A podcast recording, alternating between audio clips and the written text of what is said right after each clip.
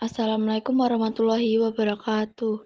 Halo sahabat Ula, kembali lagi di frekuensi 93.1 FM.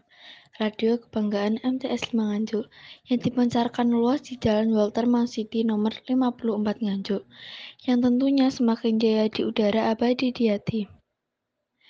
Hai sahabat Ula, balik lagi nih sama Bojo. Gimana kabar sahabat Ula semuanya? Semoga sehat semua ya. Yang sakit kita doakan lekas sembuh. Amin amin ya robbal alamin. Oh iya sahabat Ula, Bojo bakalan cerita nih tentang kisah penjual koran. Nih yuk langsung kita bahas. Di ufuk timur, matahari belum tampak. Udara pa pada pagi hari terasa dingin. Alam pun masih diselimuti embun pagi. Seseorang anak menggayuh sepedanya di tengah jalan yang masih lenggang. Siapakah gerangan anak itu? Lah adalah seseorang penjual koran yang bernama Ipin. Menjelang pukul 5 pagi, ia telah sampai di tempat agen koran dari beberapa penerbit. Ambil be beberapa Ipin, tanya Bang Ipul. Biasa saja, jawab Ipin. Bang Ipul mengambil sejumlah koran yang dan majalah yang bisa dibawa Ipin untuk langganannya. Setelah selesai, ia pun berangkat. Lah mendatangi pelanggan-pelanggan sekitarnya dari satu rumah ke rumah lainnya. Begitulah pekerjaan Ipin setiap harinya, menyampaikan koran pada para pelanggannya.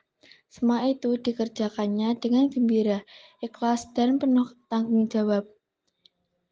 Ketika Ipin sedang mengat Sepedanya tiba-tiba ia dikejutkan dengan sebuah benda. Benda tersebut adalah sebuah bungkusan plastik berwarna hitam. Ipin jadi gemetaran. Benda apakah itu? Lah ragu-ragu dan merasa ketakutan Kar karena akhir-akhir ini sering terjadi ledakan bom di mana-mana. Ipin khawatir benda itu adalah bungkusan bom.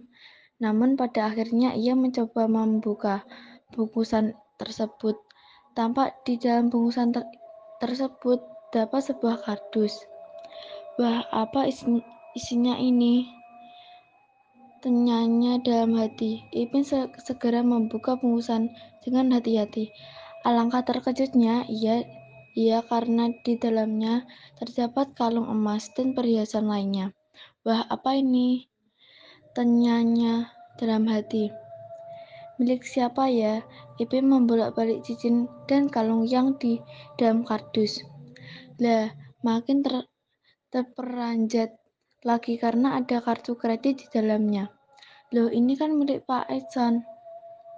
Kasian sekali Pak Edson. Rupanya ia telah kecurian, gumamnya dalam hati. Apa yang di apa yang diperkirakan Ipin itu memang benar. Rumah Pak Edson telah kemasukan maling tadi malam. Karena pencuri tersebut terburu-buru, bungkusan perhiasan yang telah dikumpulkannya terjatuh. Ipin dengan segera memberitahukan Pak Edson. Lah, menceritakan apa yang terjadi dan ia temukan. Beberapa senangnya Pak Edson karena perhiasan milik istrinya telah kembali. Lah, sangat bersyukur. Perhiasan itu jatuh ke tangan orang yang jujur. Sebagai ucapan terima kasihnya, Pak Edson memberikan modal kepada Ipin untuk mem membuka kios di rumahnya. Kini Ipin tidak lagi harus menggayuh sepedanya untuk menjajahkan koran. Lah cukup menunggu pembeli datang dan belanja. Sedangkan untuk mengirim koran, dan majalah pada pelanggannya. Ipin digantikan oleh saudaranya yang kebetulan belum mempunyai pekerjaan. Itulah akhir dari sebuah kejujuran yang akan mendatangkan kebahagiaan di kehidupan kelak. Oh iya sahabat ulah, baca sampai lupa nih saking serunya. Ternyata waktu siaran baca udah selesai. Baca mohon maaf sama sahabat ulah semuanya kalau baca ada salah kata. Wassalamualaikum warahmatullahi wabarakatuh. Bye bye sahabat ulah.